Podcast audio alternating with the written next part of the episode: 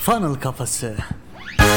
Merhabalar, merhabalar, merhabalar. Funnel Kafası Podcast serisi 76. bölüme hoş geldiniz. Ben Hasan. Ben Emre. Bu bölümde müşteri bulma yollarını anlattığımız serinin ikinci bölümündeyiz. Ne demiştik? Ya siz gidersiniz ya onlar gelir. Ya siz gidersinizden başladık ve ilk olarak zihin yapımızı anlattık. Ne dedik? Açık ve samimi ol, doğru soruları sor ve dinleyen ol ve elindeki değerleri doğru bir şekilde potansiyel müşterine göster. Şimdi geldik ikinci kısım olan yetenek. Yetenekte bizi neler bekliyor Emre abi? Biz müşteriye gittik. Hasan'ın dediği gibi bir zihin yapımız var. Peki nasıl yeteneklere sahip olmamız lazım gittiğimiz zaman? Öncelikle yani bir sürü şey sayılabilir ama bunlar size tecrübelerimizden en uz olarak anlattığımız iki tane iki ayırabiliriz. Birincisi empati. Kesinlikle iyi bir empati yapan insan olabilmemiz lazım. İkincisi de içten kabiliyetimizin olması lazım. Bunlara da perspektifini detaylı anlatırız ama ben empatiyle başlayayım. Biz burada hep zaten empatiden bahsediyoruz yani. Empati en basit haliyle aslında kendini başkasının yerine koymak, onun gibi düşünebilmek, onun yaşadığı sıkıntıları, dertleri idrak edebilmek, anlayabilmek ama bu şunun için değil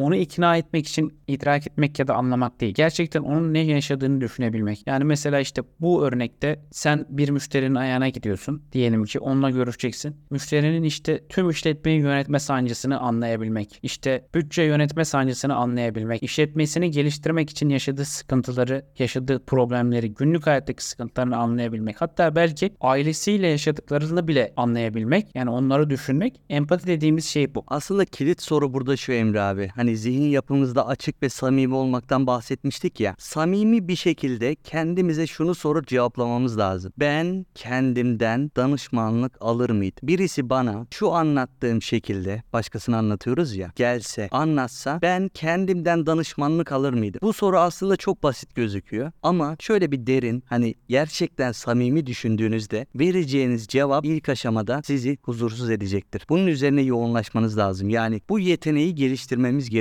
Hatta daha geriye gidip şunu bile sorabilirsin. Ben kendimle görüşür müydüm? Görüşme ayarlar mıydım yani? Mesela ulaştın. Tabii aynen öyle. Bir sonraki hani bölümde bahsedeceğiz araçlardan. Biz gittik müşteriye peki hangi araçlarla gidebiliriz? Orada detaylı anlatacağız zaten yani. Nasıl gidebilirsin? Nasıl gitmek için nasıl yollar, yöntemler seçebilirsin? Orada detaylı anlatacağız ama bu sorun cevabını verebilmek sizin iyi empati yapabilmenizi sağlar. Kendinizle de empati yapabilirsiniz. Karşı tarafla da empati yapabilirsiniz. Ki zaten bu empatiyi yaptığınız zaman bir önceki bölümde de anlattığımız o duyguyu satma olayı gerçekleşmiş olacaktır. İkincisi ise ikna. Böyle sanki insanlar şöyle algılıyor. İşte bir an gelecek ve işte ben müşteriye teklifimi sunacağım ve müşteri o anda ikna olacak ya da olmayacak. Sonra işte ben hamlelerimi yapacağım neyse satacağım veya satamayacağım. Böyle bir şey değil. İkna dediğin şey aslında senin müşteriyle ilk temasından başlıyor. Mesela diyelim sen ona maille gidiyorsan ilk attığın mailden başlıyor. Ya da işte ne bileyim ilk telefon görüşmenle başlıyor. Dolayısıyla bu adımların hepsini yönetebilmek ikna süreci. Ama tabii biz bugün yine hani detaylarından bahsedeceğiz. Ama en önemli şey düşünmemiz gereken en önemli nokta şu. Bütün proses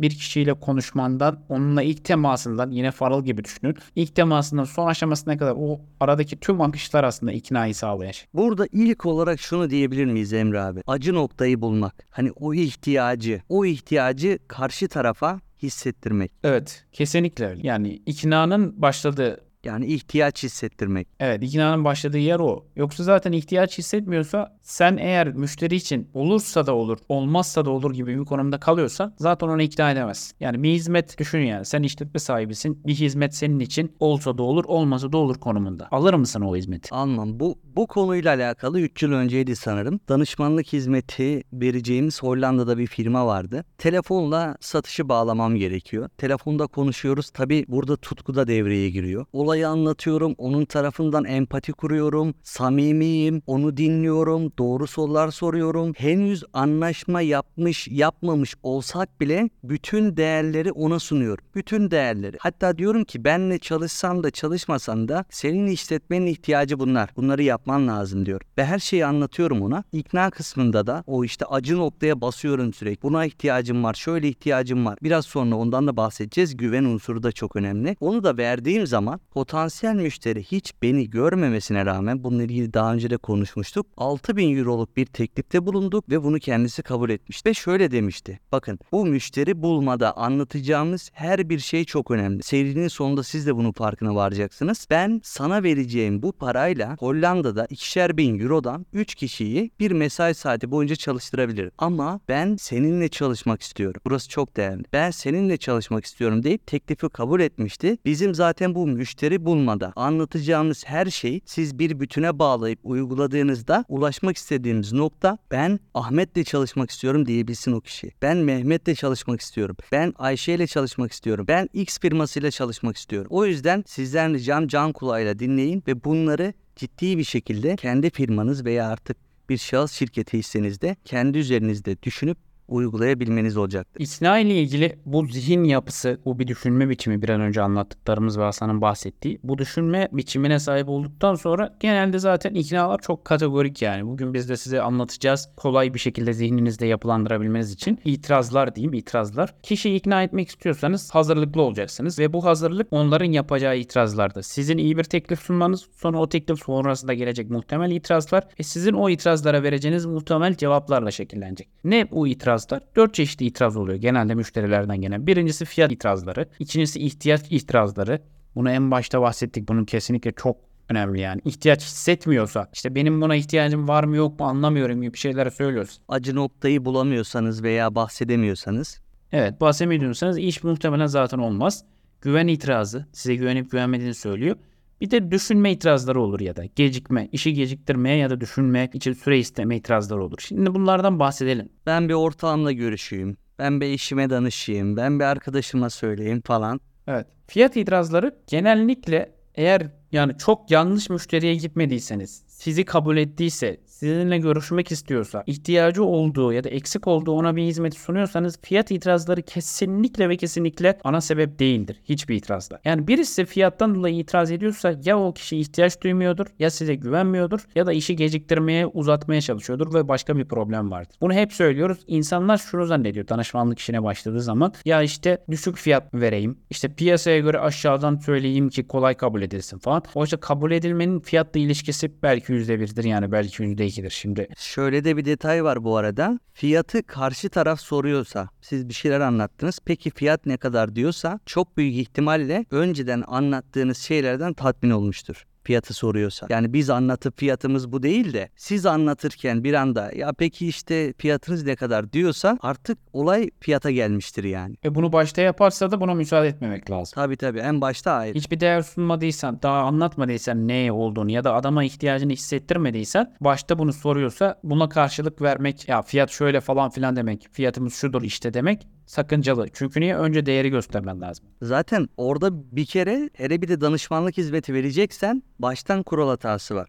Çünkü biz öznel bir iş yapıyoruz. Yani birisi daha sen analiz etmeden, onunla temas kurmadan, ona ne olduğunu anlatmadan, ihtiyaçlarını belirlemeden fiyat verirsen bunun bir anlamı yok ki. Karşı taraf için de bir anlamı yok. İlk olarak ihtiyaç itirazlarından bahsedelim. İhtiyaç itirazı ne? Müşteri sizin sunulan ürün ya da hizmetin kalitesinden emin olmayabilir mesela. Der ki biz burada tam olarak ne alacağımızı ya da nasıl bir fayda gözeteceğimizi işte bunun sonucunda bize tam olarak ne kazandıracağınızı anlamadık. Ya da işte ben ne buradan bir şey kazanacağımı düşünmüyorum. Bu danışmanlık işinin bana bir şey vereceğini düşünmüyorum. Bu dediğim gibi en başta. Bunu düşünmüyorsa muhtemelen siz müşteriye doğru sorular soramamışsınız. Mesela şöyle söyleyeyim. Siz müşteriye dediniz ki pazarlama için bir sisteminiz var mı? Müşteri dedi ki hayır. İşte reklamlarda şöyle şöyle bir şeyler deniyor musunuz? Müşteri dedi ki hayır. İşte şunu yapıyor musunuz? Hayır. Bunu yapıyor musunuz? Hayır. Bu sorulara hepsine hayır diye cevap veren bir müşteri bunun ihtiyacı olduğunu kendisi zaten hisseder. Ama siz bu soruları hiç sormadıysanız ve hiç hayır cevabı almadıysanız zaten ihtiyaç hissetmemiştir. Tekrar fiyat itirazına gelelim. Fiyat itirazını nasıl karşılayacağından bahsedelim. Fiyat itirazını aslında karşılamanın 3-4 tane metodu var ama en basit olanları söyleyeyim. Genelde siz müşteri fiyat konusunda herhangi bir itirazda bulunduğunda ona taviz vermemeniz çok önemli bir nokta. Yani müşteriye işte size normalde 2000 TL verdi. Sallıyorum şu anda. 1500 TL'ye o zaman anlaşalım vesaire gibi. Sizin sunduğunuz değeri düşük gösterebilecek şeylere genelde biz karşıyız. Bu bizim fikrimiz ve bizim hissiyatımız yani tecrübemiz. Burada yap, biz olsak nasıl yaparız mesela? Fiyat itirazını karşılamanın metotlarından bir tanesi ödeme kolaylığı sunmak. Müşteriye ödeme kolaylığı sunarız. İlk başta daha düşük ücretle ödemeleri başlatırız. Sonraki süreçte ücretlerin yükselmesini talep ederiz mesela. Örnek verelim. Mesela 100 bin lira talep ediyoruz biz. Bizden indirim istendi. İndirim yerine diyoruz ki ilk ay 75 bin, ikinci ay 100 bin, üçüncü ay 125 bin ödeyin. Hem bu sayede o da bizden alacağı değerleri görmeye başlıyor ve gördükçe ödeme hususunda da kendini de gönlü ferahlamış oluyor. Evet. Fiyat itirazında dediğim gibi ya ödeme kolaylığı sunmak ya da işte bu yatırımın kendisi için iyi bir yatırım olduğunu ya da işte şirkette yaptığı harcamaların çok küçük bir kısmı olduğunu, yapacağı yatırımın aslında şirketi için fayda sağladığında ne kadar iyi bir geri dönüş olabileceğini hatırlatmak. Bu da karşılama metotlarından bir tanesidir. Burada fiyat olayı çok kritik dostlar. Şu yönden kritik. Aslında ölçülemeyen bir data barındırır fiyat itiraz. Belki samimiyetinizi beğenmedi. Belki iyi bir dinleyici olmadığınızı gördü. Anlaşılmadığını hissetti. Belki sizin sunduğunuz değerlerden tatmin olmadı. Belki acı noktaya doğru temas edemediniz. Çünkü özellikle bu Türk insanında bizde vardır ya fiyat kaçmak için büyük bir sebeptir. Bir sürü tatmin olmadığı şey olabilir. Fiyat belki onun için gayet makuldür ama size şey diyebilir. Bu fiyat bana fazla. Evet kesinlikle. Fiyat itirazında da burada bahsettiğimiz iki şey. Karşılama yöntemi. iki kolay karşılama yöntemi. Birincisi ödeme kolaylığı sunmak. ikincisi de bu fiyatın onun işletmesi için nasıl bir yatırım geri dönüşü sağlayacağını göstermek. Bu fiyat karşılığında alacağını göstermek. Evet, üçüncü olarak da güven unsuru var dostlar. Şimdi güvende eğer referanslarınız varsa tabii ki de ilk akla gelen referanslarınızı göstermek olacaktır. Ama referansınız yoksa, yeni bir iş alıyorsanız veya yeni bir sektöre giriyorsanız ve o sektörde referansınız yoksa ne yapmanız gerekiyor? Burada bizim önerebileceğimiz en önemli noktalardan birisi ücretsiz başlayabilirsiniz. Ücretsiz. Biz zaten yeni danışmanlık veren kişilere de aynı şeyi öneriyoruz ki biz de öyle yaptık. Ücretsiz bir şekilde başlayıp ne değer sunduğumuzu onlara göstermek. Burada iki tane kazan kazan var. Birincisi karşı taraf herhangi bir ücret ödemeyecek ve size karşı toleransı yüksek olacak. İkincisi de siz herhangi bir ücret almadığınız için daha rahat olacaksınız. Yani herhangi bir stres barındırmayacak. Testlerinizi çok daha rahat gerçekleştirebileceksiniz ve buradaki başarınızla da oradan aldığınız social proof'la o sektörde veya danışmanlığa yeni başladıysanız diğer firmalara göstererek güveni pekiştirmeyi amaçlamanız gerekiyor. Mümkünse hatta bu ilk işi yani ne bileyim yakınınızdan vesaireden biriyle ya da işte etraftan birileriyle yapmak da daha sağlıklı olabilir. Tabii tabii.